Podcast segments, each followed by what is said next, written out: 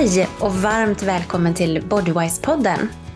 Här får du inspiration och tips på vad du själv kan göra för att stötta din hälsa med hjälp av kost och livsstil. Jag som gör den här podden heter Ulrika Elofsson och driver företaget Bodywise. Jag jobbar som funktionsmedicinsk hälsocoach och personlig tränare och jag vill hjälpa dig med helheten när det gäller din hälsa. I det här avsnittet pratar jag med Eva Mörk. Eva är IT-ingenjören som sadlade om och blev hälsoingenjör. Hon är bland annat certifierad beroendeterapeut inom mat och socker och en väldigt uppskattad föreläsare i allt som rör metabol hälsa och hormonell balans. Jag är väldigt glad över att ha med henne i Bodywise-podden så att du också får ta del av Evas breda kunskap inom detta ämne.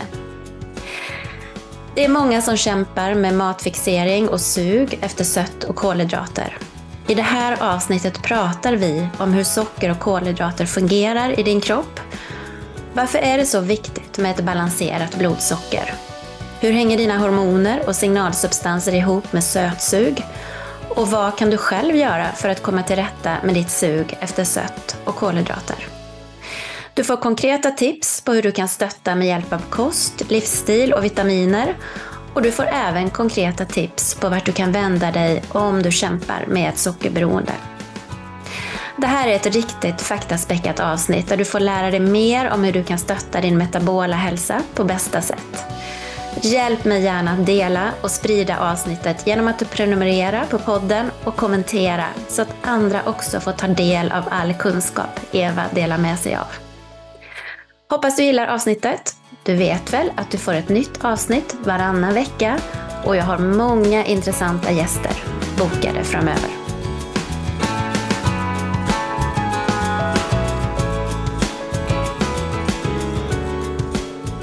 Hej och varmt välkommen till Bodywise-podden Eva. Tack så jättemycket. Så jättekul att vara här. Ja, så kul att ha med dig och tusen tack för att du tar dig tid. För jag vet ju att du har ett väldigt späckat schema. Så jag är otroligt glad att ha möjlighet att ha med dig i podden. Så att lyssnarna får tillfälle att ta del av din fantastiska kunskap när det gäller metabol hälsa. Ja, men tack så jättemycket. Du kallar ju dig hälsoingenjör och du är ju också certifierad beroendeterapeut inom mat och socker. Och idag ska ju du och jag prata om just socker och även sockerberoende. Det är ju tyvärr många som kämpar med detta, fixering av mat och ett starkt sug efter sötsaker. Men innan vi kommer in på dagens ämne så vill jag bara dela något som du skriver på din hemsida. Så här mm. skriver du. Att ta makten över sin egen hälsa handlar om kunskap kunskap inom grundläggande biokemi och hur dina hormonella system hänger ihop. Och jag tycker det här är så bra. För att veta hur vi kan stötta våra kroppar och jobba med vår hälsa på bästa sätt så behöver vi ju kunskap. Och det här är ju någonting som vi vill ge dig som lyssnar idag. Ännu mer kunskap kring hur din kropp fungerar när det kommer till socker och kolhydrater. Och även om det här med socker och kolhydrater, det är ju ett ämne som det pratats väldigt mycket om de senaste åren. Vi följer olika low carb dieter, vi jobbar med fasta, vi jobbar med högfettskost. Så kanske inte alla vet varför det kan vara bra att följa den här typen av kosthållning eller varför det är så viktigt att balansera sitt blodsocker. Så det tänkte jag att du, Eva, skulle få hjälpa oss att reda ut lite idag. Det ska jag eh, göra. ja, härligt. Men du kan väl börja med att eh, berätta lite om dig själv. Och du har ju också en egen hälsoresa. Så om du har lust att dela lite kring det. Ja men absolut. Mitt namn är ju Eva Mörk och jag är hälsoingenjören. Och det innebär att jag kombinerar min tekniska bakgrund som civilingenjör med en gedigen utbildning som du sa, både inom näringslära, funktionsmedicin, men jag är också certifierad beroendeterapeut inom mat och socker. Och under många år så trodde jag verkligen att hälsa handlade om att äta mindre, springa mer, kompensationsträna, kompensationsbanta. Och på något sätt det enda resultat jag fick av den övertygelsen som jag hade under många år, det var faktiskt mer övervikt i slutändan och en tunnare plånbok. För det är ganska dyrt att eh, följa alla dessa dieter. Och det var faktiskt först när jag började göra precis tvärtom. Jag hade turen att få hjälp av personer som hade en helt annan syn på det här med kost och hälsa. Det här var redan 2001. Så jag har ju varit med väldigt länge om man säger i, i branschen. De fick mig göra helt tvärtom och jag blev, det förändrade mitt liv och jag skulle kunna säga att det räddade mitt liv för att jag blev så mycket friskare, piggare, gladare, starkare. Och för fem år sedan så bestämde jag mig för att från och med nu så ska jag bara hjälpa, jag ska bara stödja företag som bekämpar livsstilssjukdomar. Och eh, jag ska ägna hela mitt kraft åt, åt det. Eh, mycket för att jag när jag tänker tillbaka så, så förstår jag ju att jag blev utnyttjad på grund av min okunskap. Du vet, andra företag tjänade ju pengar på att jag var okunnig. De sålde på mig alla lightprodukter. Jag drack eh, en liter Cola light om dagen för jag trodde att det var ju kalorifritt och jag trodde inte att det påverkade mina system och jag åt allt som det stod light på med jättemycket socker för att det skulle, jag var ju så fettskrämd naturligtvis. Och då tjänade de pengar på mig. Men nu tycker jag att det är dags att man gör tvärtom. Nu är det ju min kunskap som ska bli en maktfaktor att räkna med. Och, och, och din, du som lyssnar också. Din kunskap ska bli en maktfaktor nu. Du ska liksom lägga pengarna på rätt saker, rätt företag som vill dig väl och vill väl för din hälsa. Då mm. kommer vi få en förändring och vi kommer få mer företag som faktiskt stödjer det. Mm. Mm. Ja, viktigt. Men vad var det du gjorde då? För du sa att du gjorde precis tvärtom mot vad du gjorde innan. Ja, men från att jag levde då, som du förstår, fettsnålt på liveprodukter och mycket mm, tänk Ja, men du vet, jag är uppvuxen på 80-talet. Tänk på Skogaholmslimper och boj och lättmargariner och mycket, mycket liksom vitt bröd med marmelad, för det var ju eh, fettsnålt. Och jag träffade ju Bitten Jonsson och för er som kanske inte vet vem hon är så var det ju hon som förde in då begreppet sockerberoende in i Sverige för över 25 år sedan. Och alltså än idag så tycker många att jag är extrem i min kosthållning. Men det enda jag egentligen gjorde, det var att ta bort liksom lightprodukter, liksom sötningsmedel, socker och mycket processad mat. Och på den tiden, 2001, då var det inte liksom ens där att man måste äta jättestrikt keto, utan jag åt egentligen kött, fisk, ägg, grönsaker, smör, olivolja och lite och mer fibrer. Mm. Och, och, den vanligaste frågan jag får så här 20 år senare, det är alltid Eva, när ska du börja äta normalt? Du vet, det säger alla mina släktingar, min mamma, kompisar. Varenda år får jag höra det. När ska du börja äta normalt? Och det är ju för att jag liksom inte vill ta den här ballerinakakan eller äta liksom, jag äter ju aldrig någon gluten då, men, eh, och då försvinner ju ganska mycket när man tar bort alla mjöler och, och vetemjöl och sådär. Och jag tycker det är märkligt att, att man nu för tiden har liksom normaliserat någonting som i grunden är onormalt och att man tycker att jag är extrem medan det är helt normalt att eh, dricka läsk och äta ballerinakakor. Mm. Och alla frågar vilken diet jag går på. Och då säger jag, men jag går inte på någon diet. Jag äter riktig mat. Det är ja. ni som går på någon konstig diet som äter det där andra. Jag har helt slutat följa alla dieter egentligen.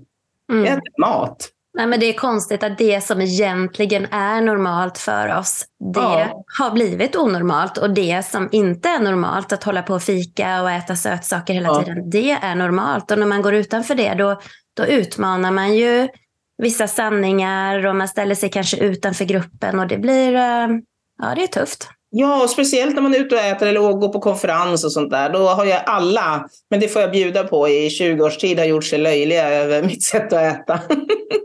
och sagt att Eva får börja för hon är så krånglig och ingen kan krångla som du. Och det enda jag frågar efter det är liksom om de kan ta bort potatisen egentligen från tallriken eller du vet riset eller pastan. Det är inte mer krångel än så egentligen. Mm. Och nu kommer du in, vi pratar ju om socker, men nu kommer du in på det här med potatis och ris och pasta och så där. För att många, när man säger så här att ja, du behöver undvika socker, ja men jag äter inte mycket socker, säger folk då. Man kanske tänker på socker som just läsk, godis, fika, men socker är ju så mycket mer. Alltså Kan du inte berätta lite, vad är socker och hur fungerar det i våra kroppar? Ja, alltså det är ju på något sätt så, så är det just det precis som du säger lite om kunskap, att det är så många olika begrepp så det är svårt att, att förstå skillnaden. Men om man börjar prata liksom om kolhydrater så ingår ju socker i den, eh, i den kategorin. Men socker, själva sockermolekylen, det är ju en, någonting som kallas för en disackarid, det vill säga den består av två stycken molekyler. En glukosmolekyl och en fruktosmolekyl. Så hälften glukos, hälften fruktos. Och stärkelse, till exempel det som finns i bröd, pasta, potatis, ris, det består ju bara av långa kedjor av glukos. Så det innehåller ingen fruktos. Men när kroppen liksom ska bryta ner den här, oavsett om det är stärkelse eller om det är socker man äter, så bryter man ju ner det till sin eh, minsta beståndsdel. Och då blir det ju glukos, så att säga, både från stärkelsen men också från sockret. Men det som skiljer då socker och stärkelse, det är att det finns fruktos också i, i sockret. Och det som jag tycker är intressant det är att en vuxen kropp består av ungefär 37,2 biljoner celler. Det är ju väldigt, väldigt mycket. Och vi är ju alltså gjorda för att använda glukos som bränsle. Det har vi ju gjort liksom i, i hundratusentals år eller miljontals år. Alltså vi är primade för det. Och vår hjärna älskar ju att använda glukos som bränsle. Så att det är inte så konstigt. Liksom. Kroppen kan använda glukos som bränsle. Men fruktos, det som finns hälften i vitt socker, det är inte våra celler lika anpassade för att använda alltså som bränsle, utan det måste först omvandlas till glukos. Och eh, äter man då för mycket fruktos, och eh, då, alltså det här görs i levern, då omvandlas det till glukos och det kan omvandlas också till fett. Alltså, så att eh, när man äter väldigt mycket både socker då, men även kolhydrater som bryts ner till glukos och man inte gör av med allting, då omvandlas det till fett. Mm. Och då är det början liksom till att, att man kanske får då, eh, för mycket fett inlagrat i levern. Mm. Och nu nämner du ju fruktos också då, så du menar att frukt, eh, det är inte bra, det ska man undvika också? Nej, absolut inte. Utan jag är ju då lite mer ingenjör som du vet, så jag tycker att man måste förstå vilket problem det är man ska lösa egentligen. Och eh, eh, väldigt många går ju på lösningen innan de har en aning om vad problemet är.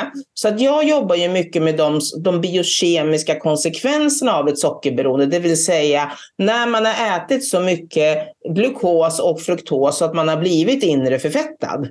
Och då kanske man ska vara lite mer försiktig med, med eh, även till och med även frukt. Då. Men framförallt är det ju fruktjuicer man ska vara försiktig med. För då har man pressat ut all eh, juice och då har man inte fibrerna kvar. Och dricker du en liter apelsinjuice, det vet du, det är ju ganska enkelt att, att dricka det. Då får du i dig hur många apelsiner som helst och de här skyddande fibrerna är, är borta.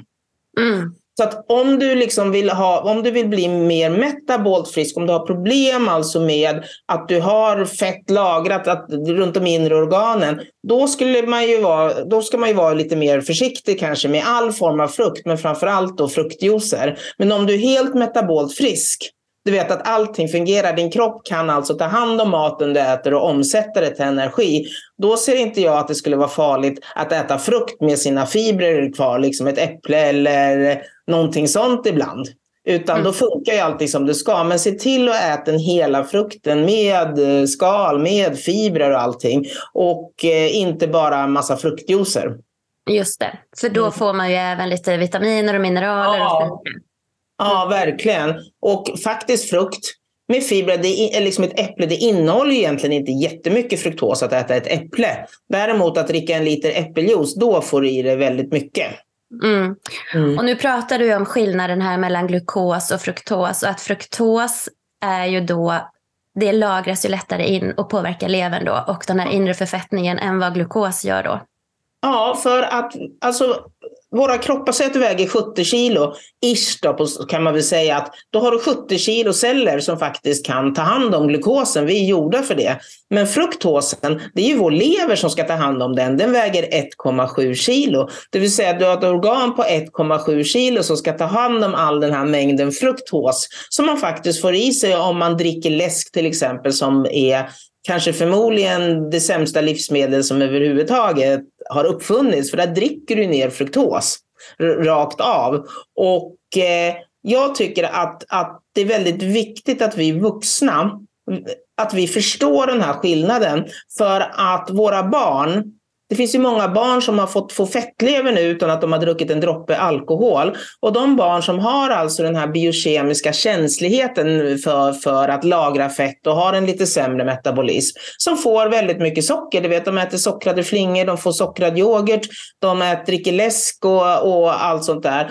Då då har de kanske en lever som väger 300 gram, 500 gram när de är små. Och de barnen som har den här känsligheten, de, de lagrar ju fett redan som barn. Och så blir de överviktiga och sen så får de höra att de är lata och karaktärslösa och de får egentligen ingen hjälp. Eftersom det finns nästan ingen som förstår problematiken med den, har kunskapen om det här med fruktosen. Mm. Då sätts de på bantningskurer och ändå serveras all den här maten, eller maten, du, vet, du kanske själv om du har barn som eh, har idrottat, du vet, det, den är ju överallt liksom. Det är läsk och det är godis. Och vissa barn ser ut som pinnar för att de, har fakt de kan äta den här maten och klarar av det. Men de barnen som inte gör det, det är väldigt synd om dem. De kanske blir mobbade. De får inte den respekt som de förtjänar. Och det är vi vuxna som behöver ta det här ansvaret och förstå skillnaden. Så här får ju vi, tycker jag, shapea upp oss mm. och, och lära oss det här. Absolut, jätteviktigt. Men nu har vi ju fokuserat ganska mycket på fruktos och den inre förfettningen, men även överskott av glukos då. Ja, det omvandlas ju också till fett. Så att mm. Eh, äter du... Om vi ska gå in lite på det där som du var inne på med Oavsett om man kallar det sockerberoende eller inte, för att eh, göra det lite mjukare kan man ju säga att man har ett beroendeliknande eh, beteende när det gäller eh, socker. Så är, är Socker är en sak, men nästan fler är ju mjölberoende. Alltså av den här extremt ultraprocessade mjölet, vetemjölet som, som egentligen är ett svårare beroende. Du vet, de kan äta otroliga mängder mackor. De pratar om, de, de får något, liksom, det lyser i ögonen när de berättar om pannkakor, all den här vita maten, du vet pasta, pannkakor, smörgåsar, O'boy, med Skogaholmslimper, kakor. Och mm. eh, all den här liksom rena stärkelsen i den här ultraprocessade maten, den bryts ju ner till glukos. Och ett sånt överskott omvandlas ju också till fett och eh, kan skapa extremt starka liksom, dopaminreaktioner i hjärnan. Ja, men precis. För att alla kolhydrater tas ju egentligen om hand på samma sätt i kroppen. Bryts ja. ner och tas om hand på samma sätt. Bara... Och vi kan ju inte ha hur mycket cirkulerande blodsocker i blodet som helst. Så att kroppen måste ju lagra in det någonstans och göra av med det någonstans. Ja men det är verkligen så. Och om man då kommer in på själva liksom blodsockret så är ju eh, jag som jobbar väldigt mycket med fasteblodsocker och pratar om det. Det är ju den mängd glukos du har i blodet när du inte ätit på en hel natt. Helst då ska du ha fastat i 12 timmar. Och har du högt då, och högt menar jag ja, säg att gränsen då eh, normalt ska vara mellan 4 till 6 millimol per liter och det är ungefär 5 gram en sockerbit. Men gränsen för prediabetes ligger ju där vid 6 millimol per liter. Så börjar du närma dig det, då är det, det är inte tecken på att du är lat och karaktärslös. Det är ett tecken på att nu kan inte din kropp ta hand om all den här glukosen som finns i blodet och använda det som energi, utan det ligger faktiskt kvar i blodet. Och mm. Och det gillar ju inte kroppen. Det är väldigt stressande för kroppen och det är inflammationsdrivande. Mm.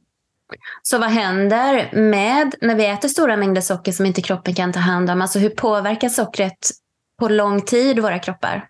Ja, men man kan faktiskt förstöra den friskaste metabolism. Jag menar en ung kille i 20-årsåldern med mycket muskelmassa som tränar. Han kan ju, man kan liksom inte jämföra det med en sönderbantad, sönderstressad kvinna i klimakteriet, liksom, som inte tränar så mycket styrketräning. Så att muskelmassan och hur aktiv man är påverkar naturligtvis hur stor mängd glukos, liksom, hur mycket kolhydrater man kan äta. Mm, Men, för du menar att ju större muskelmassa, ju mer kan du lagra ja, in i musklerna? Precis. Visst är det så. Då, då finns det ju mer celler liksom som behöver den här den här glukosen. Men alla människor som, som äter för mycket glukos, oavsett mängden så att säga, om man äter för mycket i förhållande till hur mycket man väger och hur mycket muskelmassa man har. Eh, får man ett överskott så börjar ju kroppen lagra det som fett. Eh, men vid någon tidpunkt så, är det ju, så kan det ju liksom nästan bli fullt. Du vet, det är fullt i, i fettcellerna och sådär och kroppen får inte in det. Och då ligger det ju kvar i blodet istället. Mm. Det är det som är hela den här stigningen. Och om man inte får in sockret i cellerna, då är det väldigt farligt för kroppen. Så den, det är liksom högsta prioritet jämt att få in energin in i cellerna. Och då är det som att ta en flaskborste och rispa i dina blodådror. Du vet, du rispar sönder dina hjärt och kärlväggar. Och de minsta liksom LDL-partiklarna som lätt kan oxidera, de kan ju lätt fastna där och där har du början till din infarkt, alltså en hjärt och kärlsjukdom. Mm. Mm. Så du menar att det är egentligen sockret som är boven till att skada våra kärlväggar då? Ja, det är en inflammatorisk sjukdom och egentligen är det en metabol sjukdom, alltså att man inte kan få in sockret in i, i cellerna. Och, och, och, och då ligger det kvar, skapar de här inflammationerna. Så 70 procent av dödsorsaken i Sverige är ju någon metabol sjukdom faktiskt. Från, från hjärt och kärlsjukdom, högt blodtryck, eh, vissa cancerformer. Så att det är det vi dör av. Det är mm. statistiken. Det vill mm. säga att vi har förstört vår metabolism. Och på något sätt då försämrat vår förmåga att ta hand om all den här energin vi äter och omvandla det till. Mm. Men varför blir det så här då? Alltså, varför slutar vi inte äta när vi är mätta? Vad är det som, varför fortsätter vi att äta det här söta och kolhydraterna? För det är ju väldigt lätt eh, när man är, har ätit en måltid och man är mätt och nöjd. Men det finns ju alltid lite plats för det där söta. Ja, men det gör ju det. Och här skiljer man sig också. Det är ju, det, det är ju vissa, det är ju ärftligt naturligtvis, vissa grejer. Men, det, men, men allting i våra kroppar, som jag sa från början, det styrs ju utav hormoner. Det regleras ju. Eh, fettinlagring, fettförbränning, hunger, mättnad. Det är liksom ett väldigt finstämmigt instrument som, som, som kroppen har. Att, att, att vi ska äta exakt egentligen den mängd energi vi behöver. Så att när vi äter för mycket så ska vi liksom få ett, eh, ett, ett mättnadshormon då, som heter leptin som ska reglera att nu är vi mätta, nu ska vi inte äta lika mycket. Men det funkar liksom på den mat som vi evolutionärt har varit gjorda för att äta. Men just det här sockret och den processade maten om du liksom är hungrig och tar en kanelbulle istället för en bit kyckling och lite grönsaker, då sätts det ur spel, dina hunger och mättnadssignaler. Mm. Och det vet vi alla, att eh, vi kan inte sluta äta för vi känner ingen signal att, eh, att det ska ta stopp. Nej. Då kan vi äta mycket, mycket mer. Precis, och just den här söta maten, det är ju egentligen ingenting som våra kroppar evolutionärt sett är skapade att kunna ta hand om. Det finns ju inte snabba kolhydrater i naturen. Nej, det, finns, det enda snabba kolhydrat som finns i naturen det är egentligen honung. Mm. Faktiskt. Det är enda gången kolhydrater eh, finns utan fibrer. Mm. Annars så finns det alltid lagrade i fibrer, du vet i grönsaker, i, i frukt. Mm. Får man det tillsammans. Så att honung är väl det som vi har levt på då evolutionärt. Sen vet man inte hur mycket honung eh, alla människor kunde få tag i hela tiden heller. Men eh, men eh, det är i alla fall eh, det man har ätit. ätit. Mm. Mm. Nu pratar du lite om hormoner och signalsubstanser och sådär. Och, eh, hur hänger det här ihop med sötsug då? Varför blir vi så sugna på sött? Och finns det någon koppling där till våra signalsubstanser? Och, kan du berätta lite kring det? Ja, men visst gör det det. Och det här är ett ganska stort ämne, för det är många hormoner och många signalsubstanser som är inblandade om vi ska prata om ett ett beroendeliknande beteende här eh, när det gäller socker och processad mat, vilket väldigt många har. För hade det varit enkelt att sluta hade ju alla gjort det. Det är inte så att någon vill bli sjuk i de här sjukdomarna eller, eller få de här oerhörda konsekvenserna som man, som man får av det. Så det här är supersvårt. Men, men en av hormonerna så att säga, eller det man skulle kunna säga en av anledningarna till att det skapas ett enormt sug, det är ju ett svajande blodsocker. Faktiskt. Och ett svajande blodsocker, om man säger att först är det jättehögt och sen är det jättelågt och sen är det jättehögt och sen är det jättelågt.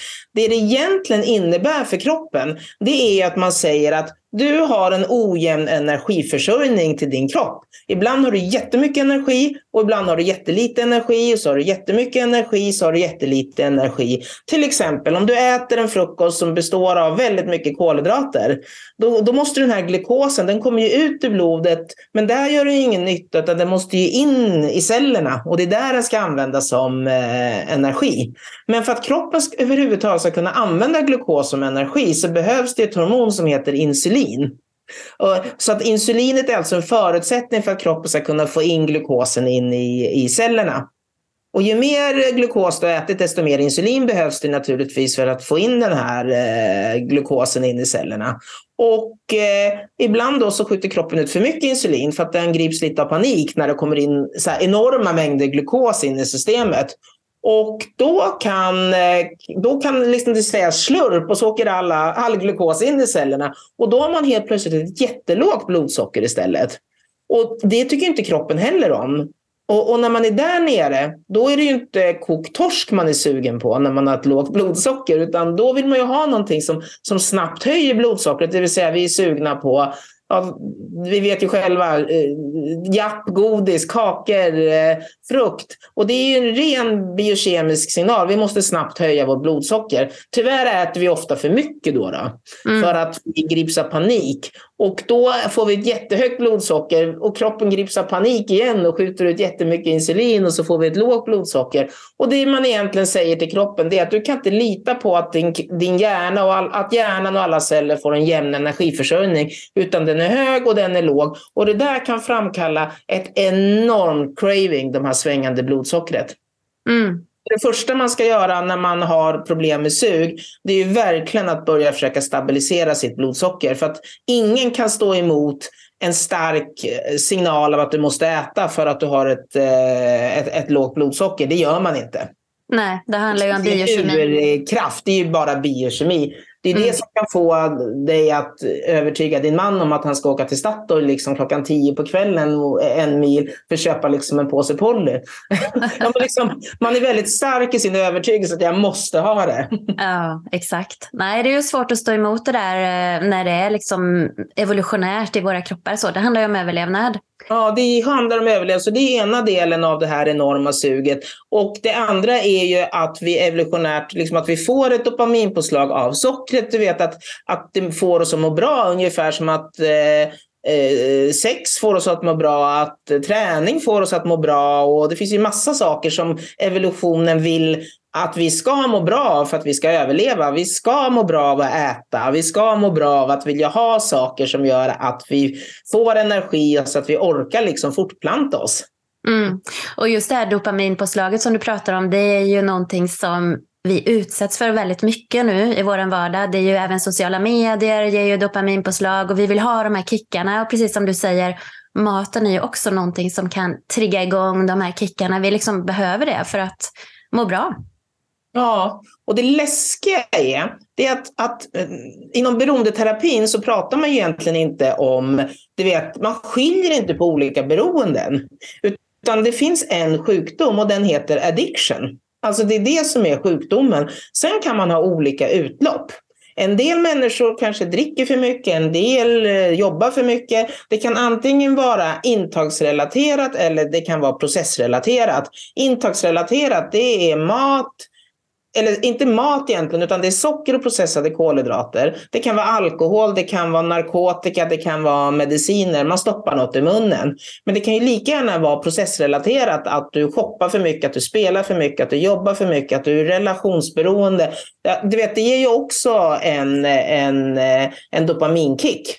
Mm. Men man kallar ju sockret då för the gateway drug. Det vill säga, det är den första drogen du utsätts för. Man ger ju inte alkohol och kokain till en fyraåring liksom.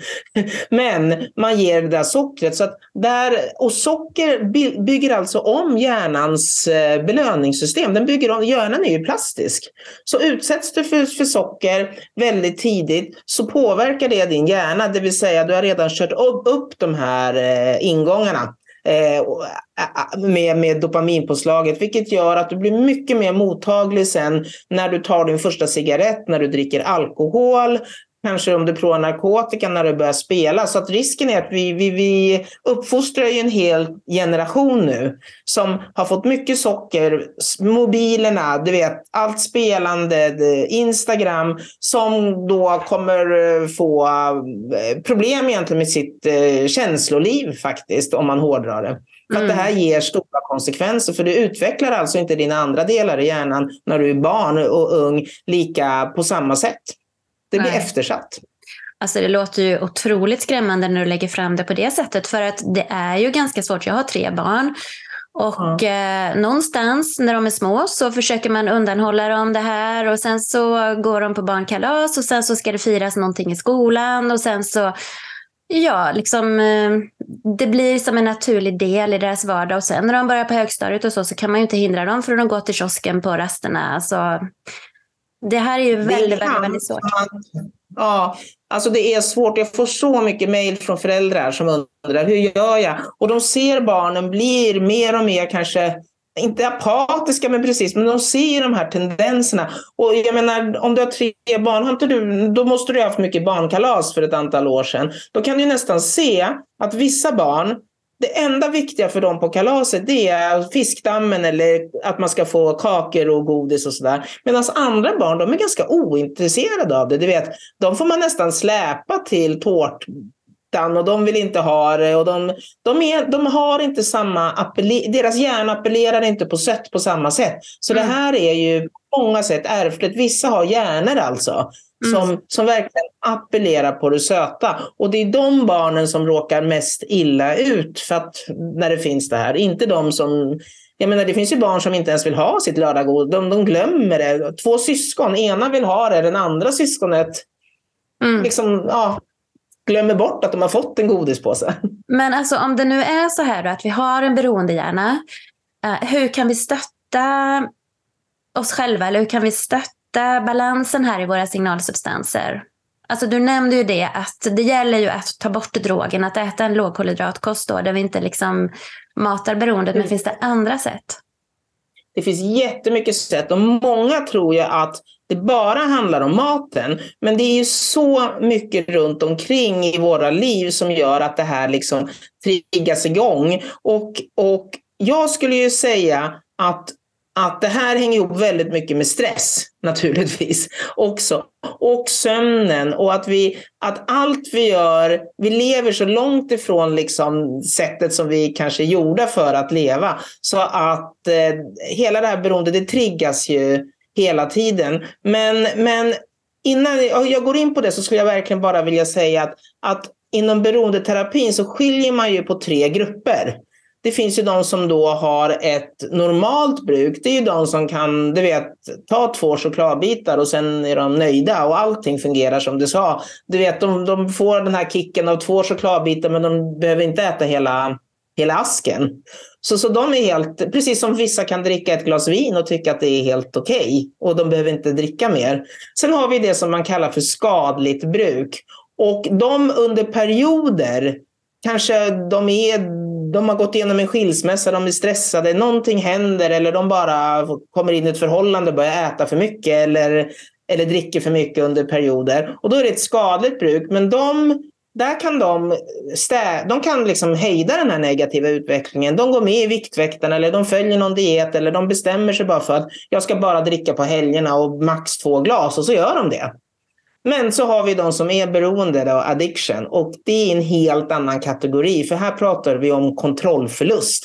De tar en chokladbit och äter upp hela Aladdin-asken plus att de blir helt besatta av att tänka på socker och, och mjölmat i, i, tills de får liksom äta det nästa gång. Och de äter alldeles för mycket. Det är sådana som inte kan ta ett glas vin utan de, det slutar med att de har druckit upp tre flaskor och, fast de har ett viktigt jobbmöte dagen efter. Mm. Mm. Men om man alltså... känner... Mm. Mm. Nej, men om man alltså känner... Ah, förlåt. Fortsätt. Okay. Så att beroende, det är liksom en fysisk sjukdom som sitter i hjärnan. Det är det viktigaste att komma ihåg. Det är, en, det är liksom en fysisk sjukdom som sitter i hjärnan. Så det är alltså hjärnan du behöver läka. Det är, mm. Man måste ta bort de här kopplingarna och det gör man på många olika sätt. Men det, det, det starkaste liksom som man kan börja med det är att försöka läka hjärnan genom att bryta kopplingar, det vill säga att inte utsätta hjärnan för det här söta processade maten. Och när jag säger socker så menar jag också då ultraprocessad mat och eh, mjölmat naturligtvis och eh, vetemjöl. För att det är det som får hjärnan att läka. Och mm. hjärnan läks sätt av ganska fet eh, animalisk mat. Mm.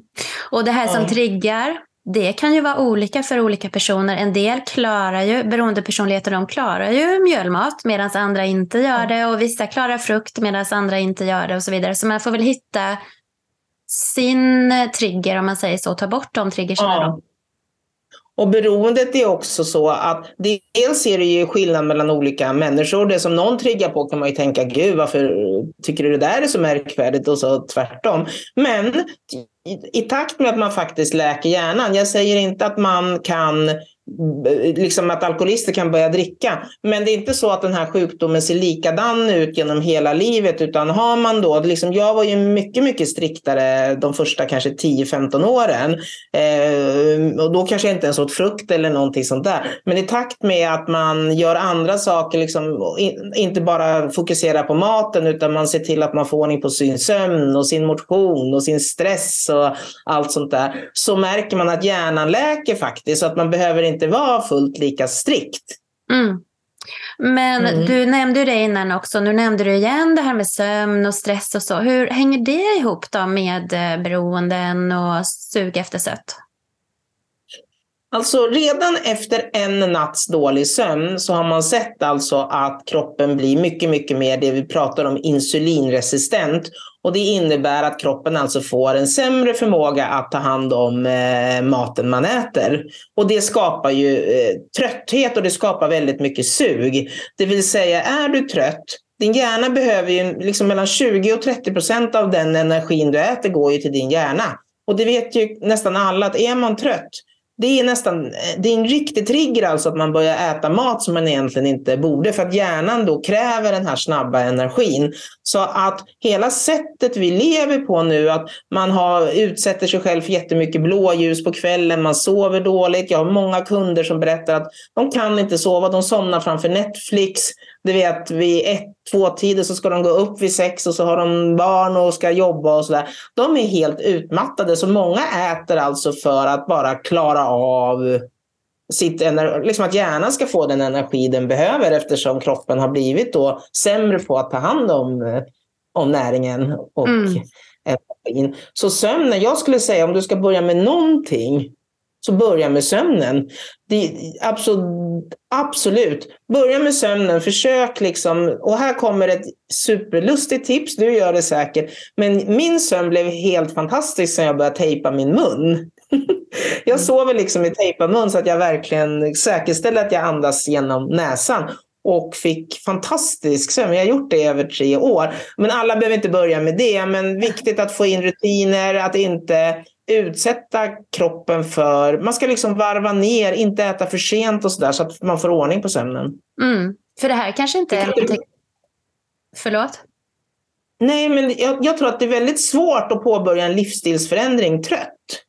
Mm. Så att, liksom, man, man, man, måste, man kan inte ändra sitt liv trött och hungrig. Det vill säga, många har levt kanske stressigt, sovit dåligt, ätit fel mat och sen så bara då ska man förändra sig. Och då är man inte så mottaglig. Jag tycker liksom att man ska börja med att få ordning på sömnen och man ska se till att äta sig mätt tre gånger om dagen på riktig mat under, under en liten period. Och sen när man känner sig lite starkare, då trycker man till och liksom eh, börjar riktigt skära bort saker och ting då som man behöver. Mm. Så bra. Mm.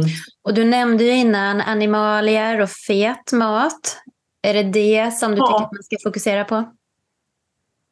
Från början tycker jag det. Om man liksom kopplar bort det här med att många som har ett eh, beroendeliknande förhållande till socker och mat då får också en metabolrubbning, det vill säga man går upp i vikt. Inte alla naturligtvis, men vissa gör ju det som har den biokemiska liksom, känsligheten för det här. De, de blir överviktiga och inre förfettade.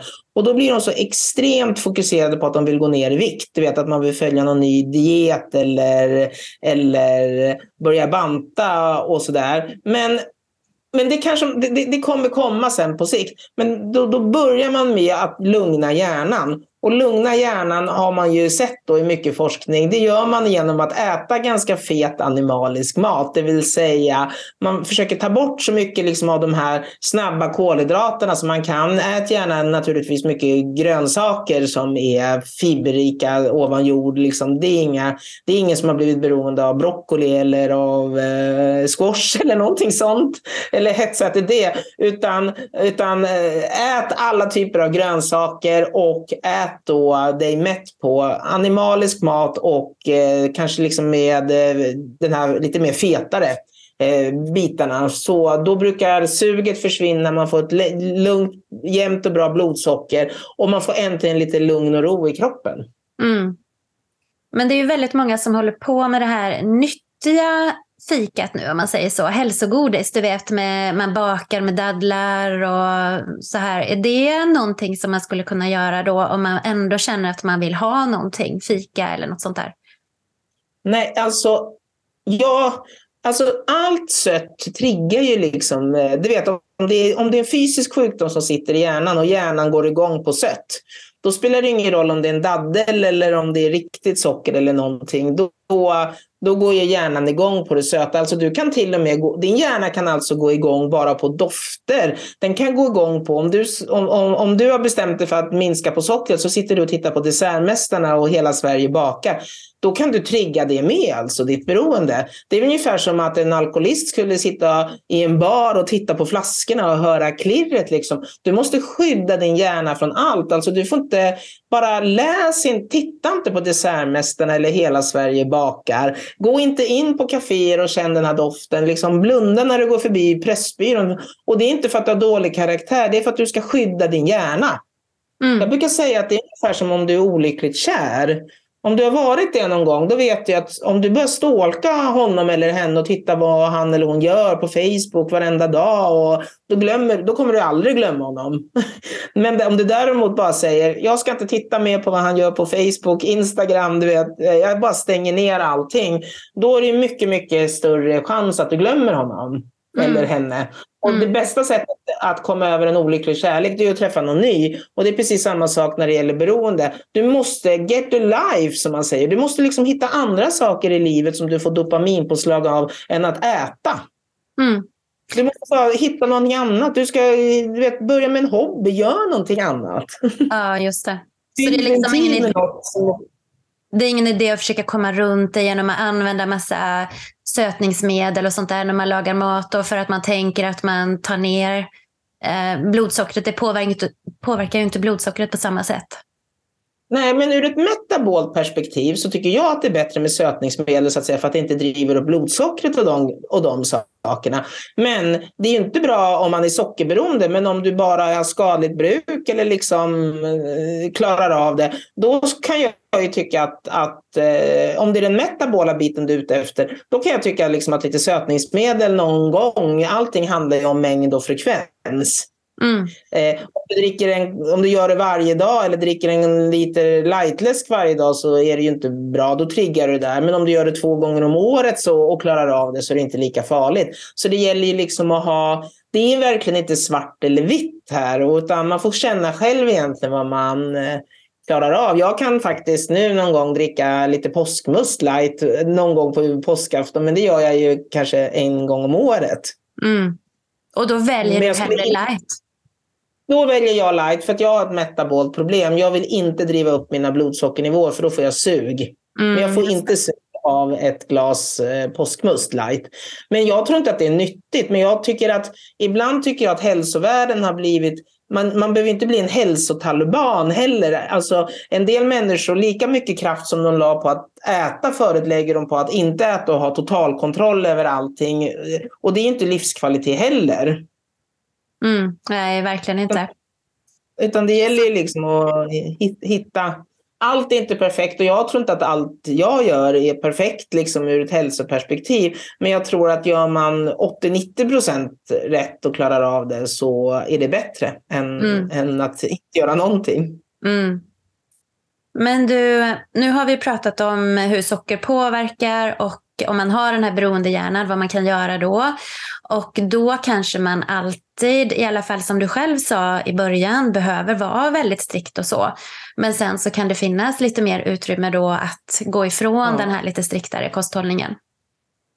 Men framför allt om man känner igen sig i det här, tankebesatthet, kontrollförlust, man ljuger, man smusslar, man kommer ihåg första gången man åt socker, man kommer, det är för starkaste minnet, man kanske var fyra fem år. Då tycker jag du måste ta hjälp.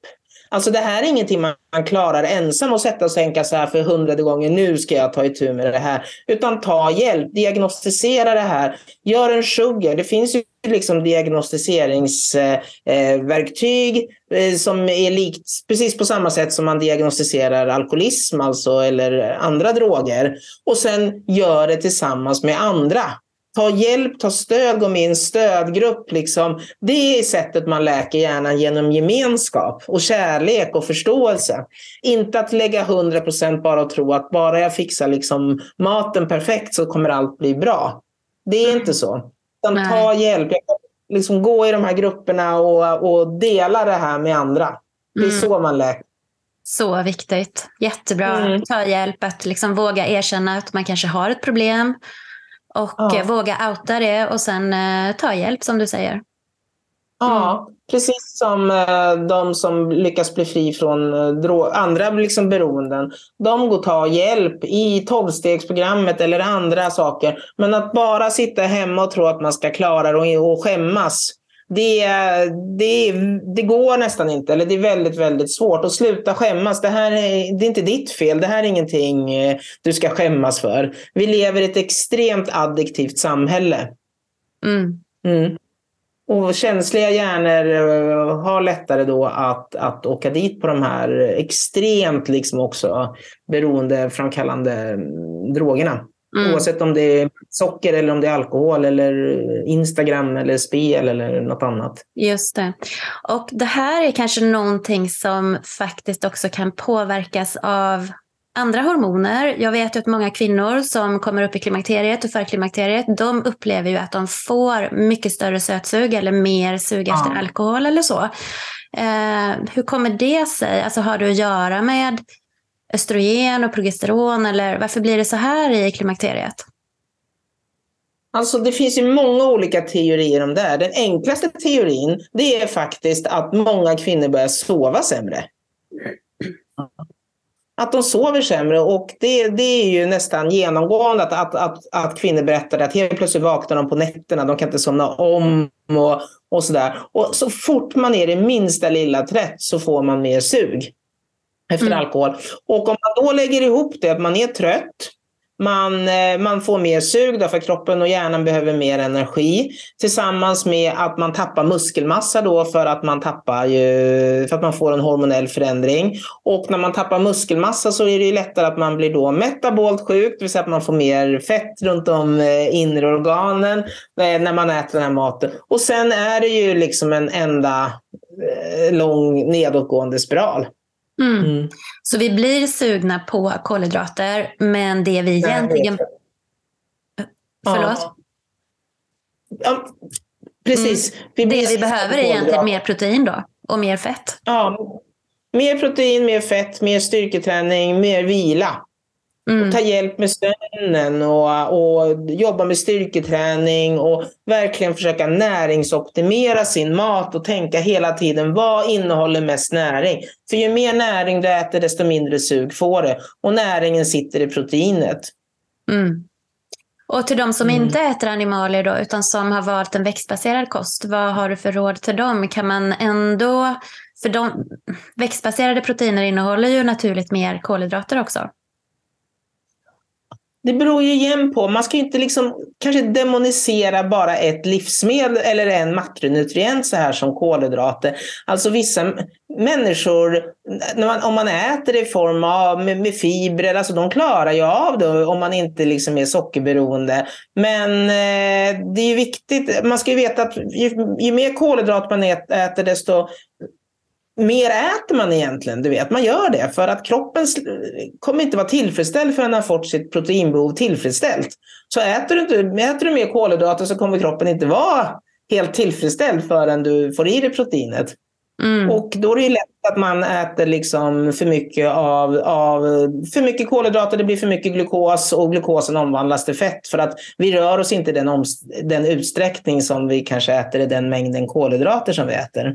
Mm. mm. Så att det gör det ju lättare för sig om man kanske ändå Sen tror jag också att vi vill så gärna dela upp det så strikt, liksom att ja, men jag är vegetarian och då får jag inte äta någonting sånt. Utan man kanske skulle kunna vara lite mjukare i kanterna och tänka ja, men om det är viktigt med animaliskt protein då kanske man äter det två, tre, ja men ibland om man väljer ut, jag väljer att äta lite fisk eh, om man kan alltså. Så det behöver inte vara så liksom svart eller vitt på allting. Jag har ju träffat folk som frågar ja, men jag äter LCHF, det betyder att jag får inte äta några bönor mer i hela ditt liv. Eller, alltså, man, man måste ha mycket mjukare, tycker jag, linje mellan de här olika dieterna om man inte liksom är uppenbarligen sjuk.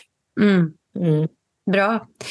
Nu... Proteinpulver kanske man skulle börja med liksom ärtprotein, försöka hitta då de här proteinerna som är fullvärdiga. Ärtprotein, hampa, liksom det finns ju vissa eh, vegetabilier som innehåller ändå alla liksom fullvärdiga proteiner. Men, men det är samma sak där, undvik den ultraprocessade veganska maten. Mm. För bara för att den är vegansk betyder inte att den är nyttig. Nej, exakt. Mm. Och nu kom du in på det här med proteinpulver och lite hur man kan stötta då, förutom med kosten, så mm. finns det tillskott som man kan ta om man känner att man verkligen kämpar med det här med sötsug. Är det några tillskott som skulle kunna hjälpa till att stävja det här sötsuget? Ja, men det som man vet är att krom faktiskt eh, minskar sötsuget. Så det finns ju kromtabletter, många kanske har krombrist. Eh, det finns faktiskt ett vatten nu som sänker blodsockret som heter Good Idea Drink. Det är inte så att jag är... jag, jag tycker det är ett spännande företag för de har ju tagit fram det som ett mineralvatten. Och mm. det är krom i det och det är eh, några aminosyror så att säga som man vet och sänker blodsockret. som man kan dricka innan, innan maten. Eh, man har ju L-glutamin till exempel, eller glutamin, för att eh, det är en aminosyra också som eh, på något sätt det, kroppen tar upp det också direkt som energi. Så tar man en tesked utrört i kallt vatten så försvinner faktiskt sötsuget nästan eh, momentant.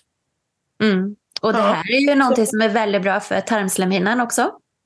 Det är ju det det är. Så jag tycker när man sen går in i den här fasen att nu ska jag verkligen du vet, inte äta liksom socker och vitt mjöl. Då tycker jag man ska ha lite L-glutamin eller liksom glutamin hemma och, och stötta kroppen under en period för att få bort det här liksom suget.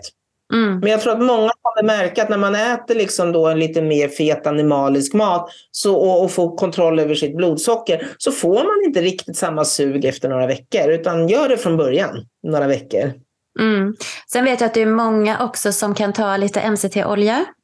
Ja, MCT-olja är ju superbra på morgonen. Visst, ta någon tesked eller två. Ta väldigt lite från början för man kan ju få ont i magen. Eh, men eh, vispa det med någon liten klick smör eller eh, någon annan, ja, eh, något nötfett liksom. Och eh, kakaosmör så vispar man det och dricker en sån eh, kaffe. Då brukar också eh, suget försvinna helt momentant. Mm. Någonting jag själv kan göra är ju om man är sugen på någonting efter maten så kan jag blanda lite kokosfett med lite kakao till exempel, kanske lite havssalt. Ja. Eller blanda det med lite lakritspulver eller så. Ja. Och man blir ju mätt också. Man står sig länge och blodsockret ja. håller sig balanserat. Så ja, jag tycker det är jättebra. Ja.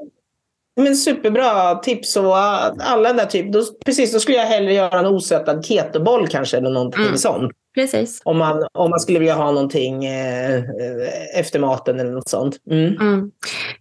Men du, vi ska snart runda av här. Men de som har testat det här vi pratar om nu och känner att de inte kommer hela vägen. De kämpar med sitt sötsug och de känner att de inte får bukt med det. Vad skulle du vilja skicka med till dem? Vad har du för tips?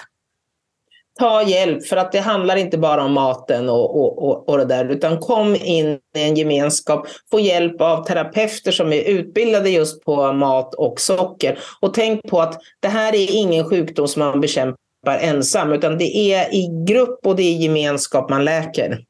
Så eh, känn ingen skam utan liksom ta hjälp. Jag tycker liksom både Sockerskolan och så Leva sockerfri finns det ju. De är jätteduktiga på det här. Mm. Bra. Så ta hjälp. Ja. Och jag kan lägga länkar till det här nedan i ja. Mm. Okej, okay. nej men tusen tusen tack Eva. Du kan väl bara berätta lite, var kan folk hitta dig om man vill veta mer om dig och vad har du på gång framöver för kul här? Föreläsningar och grejer? Men, ja, det är jätteroliga saker på gång här. Men jag driver ju ett utbildningsbolag som heter Elitista. Och, och det är det jag brinner för. Och det är ju jag vill ge hälsokunskap som verkligen förändrar din framtid och jag vill att alla ska förstå sin egen hälsa. Och där jobbar jag ju med flera olika utbildningar för er då som är intresserade av att förstå de biokemiska konsekvenserna av ett sockerberoende då, eller för att överhuvudtaget, var någonstans på den metabola skalan befinner jag mig? Varför har jag så lätt att gå upp i vikt? Varför har jag svårt att gå ner i vikt? För det här kan man faktiskt mäta. Man kan mäta och räkna ut graden av sin insulinresistens och det som gör den här kursen så unik det är att man går kursen med sina egna värden. Så man går iväg och tar ett blodprov och sen hjälper jag alla att faktiskt räkna ut det här så att man ska förstå hur blodfetterna hänger ihop med blodsockret och vilka är de metabola markörerna.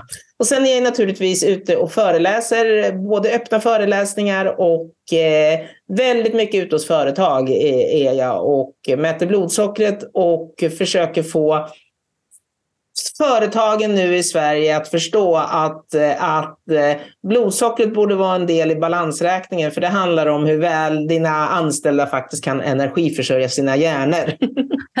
så, så det, och sen har jag ju fastekurser också för de som är intresserade. Att simulera fasta några dagar för att liksom få ner blodsockret och insulinet. Så ni hittar mig på, på Facebook under Eva Mörk, då, hälsoingenjören. Ni hittar mig på Instagram under samma namn och på elitista.se. Mm. Och jag kommer lägga länkar här också så folk eh, enkelt kan hitta dig.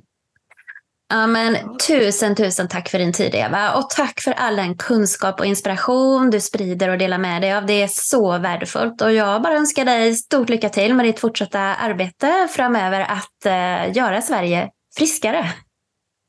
Men tack så mycket för att bara lägga till också att eh, det var så roligt att vara här. Och notera 12 oktober, för det är faktiskt Sverige, världens första officiella sockerfria dag. Det är jag och Babben Larsson som har instiftat den. Och eh, i år är det femårsjubileum och eh, det kommer vara jättespännande talare. Det kommer vara från eftermiddagen och kvällen för de som vill komma på plats då i, i Stockholm. Det, kommer ju, det finns ju bara ett begränsat antal biljetter och vi släpper dem här inom någon eh, månad. Men man kan vara med digitalt och vara med och stöd den dagen. För överskottet går till Kostfonden och, som, som är en fantastisk fond då, som, som, eh, som stödjer oberoende forskning inom kost som jag tycker är viktigt.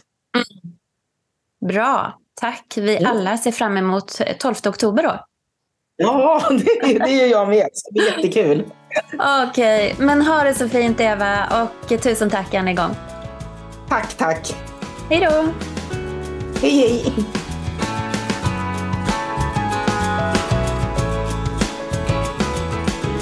Du har lyssnat på Bodywise-podden med mig Ulrika Elofsson.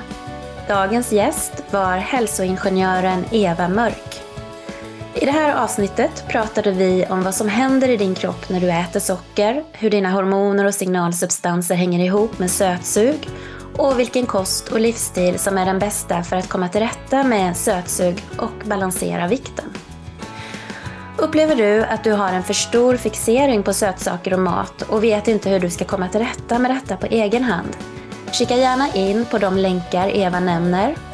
Men du är också varmt välkommen att boka rådgivning hos mig via min hemsida bodywise.se. Tusen tack för att du har lyssnat. Hoppas du uppskattade avsnittet. Vill du höra fler intervjuer som denna? Kom ihåg att prenumerera på Bodywise-podden i Spotify eller Podcaster eller via min hemsida bodywise.se. Där kan du också läsa mer om mig och mina tjänster, boka rådgivning och kontakta mig. Ha en fin dag så hörs vi snart igen.